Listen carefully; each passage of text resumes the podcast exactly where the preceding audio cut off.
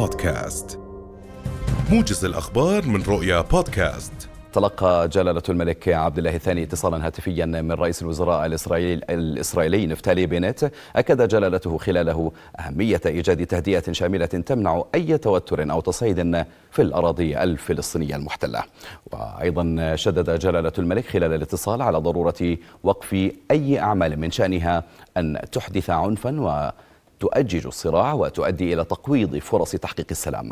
كما أكد جلالته أهمية تسهيل الإجراءات واتخاذ السبل الكفيلة لتمكين المصلين من الوصول إلى المسجد الأقصى المبارك من دون أي عراقيل ومضايقات خاصة مع بدء شهر رمضان المبارك الذي تزداد فيه أعداد المصلين والزوار إلى الحرم القدسي الشريف. أطلق رئيس الوزراء الدكتور بشر الخصاوني اليوم برنامج تشغيل الوطني 2022 تشغيل الذي من المتوقع أن يوفر 60 ألف فرصة عمل للأردنيين والأردنيات في القطاع الخاص مبينا أن الحكومة رصدت 80 مليون دينار لإطلاق البرنامج الوطني إضافة إلى التوسع في تمكين القطاع الخاص. بدوره بين وزير العمل نايف ستيتي أن الهدف من برنامج التشغيل الوطني تحفيز القطاع الخاص على تشغيل الأردنيين والأردنيات في جميع القطاعات الاقتصادية والوصول إلى 60 ألف فرصة عمل في القطاع الخاص للفئة العمرية من 18 إلى 40 عاما مبينا أن البرنامج تم تصميمه بالشراكة مع القطاع الخاص. أعلن مستشار رئاسة الوزراء لشؤون الصحة ومسؤول ملف كورونا دكتور عادل البلبيسي عن انخفاض الإصابات بفيروس كورونا خلال الأسبوع الوبائي الماضي رقم 13 بنسبة 45% ووفقا لتصريحات البلبيسي فقد تم تسجيل 17 وفاة و1731 إصابة خلال الأسبوع الماضي. وتم إجراء 45764 فحصا مخبريا. بنسبة إيجابية بلغت 83 تقريبا. عدد الحالات المؤكدة التي تتلقى العلاج في المستشفيات بلغ 124 في حين وصل عدد الحالات النشيطة إلى 1227 وفيما يتعلق ببرنامج التطعيم الوطني فقد بلغ عدد الذين تلقوا الجرعة الأولى من اللقاحات المضادة لكورونا أربعة ملايين وسبعمائة وأربعين ألفا وستمائة وأحد عشر مقابل أربعة ملايين وأربعمائة وخمسة وخمسين ألفا تقريبا تلقوا الجرعة الثانية. في حين بلغ مجموع الذين تلقوا الجرعة الثالثة 603 أو 634 ألفا وسبعمائة وستة وأربعين شخصاً.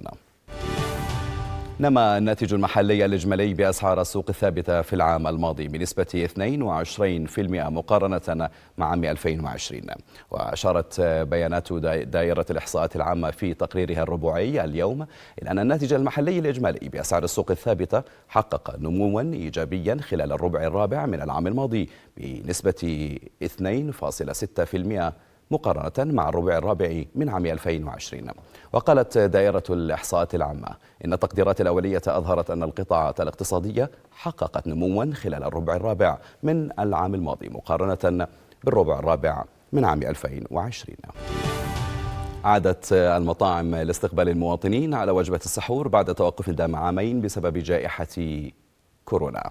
وأصحاب المطاعم أنهوا جميع تجهيزات أو التجهيزات لاستقبال المواطنين داخل الصلاة على وجبتي الفطور والسحور. ويعلق أصحاب المطاعم آمالا كبيرة بعد إلغاء الحظر بجميع أشكاله وتخفيف الإجراءات لزيادة نشاط الحركة التجارية خلال شهر رمضان وتعويض جزء من الخسائر التي لحقت بهم منذ بداية جائحة كورونا.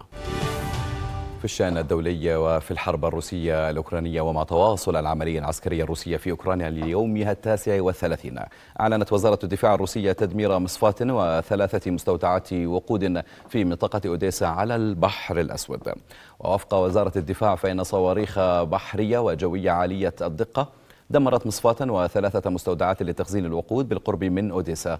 تمد مجموعة من القوات الأوكرانية بالوقود في اتجاه نيكولايف. من جهة أخرى قال رئيس الوفد الروسي المفاوض فلاديمير ميدينسكي إن كييف أصبحت أكثر واقعية في مقاربتها لمسألة وضع أوكرانيا المحايد وغير النووي. لكن مشروع المعاهدة ليس جاهزا بعد لعقد قمة بين رئيسي البلدين. لافتا إلى أن المفاوضات ستستأنف يوم غد.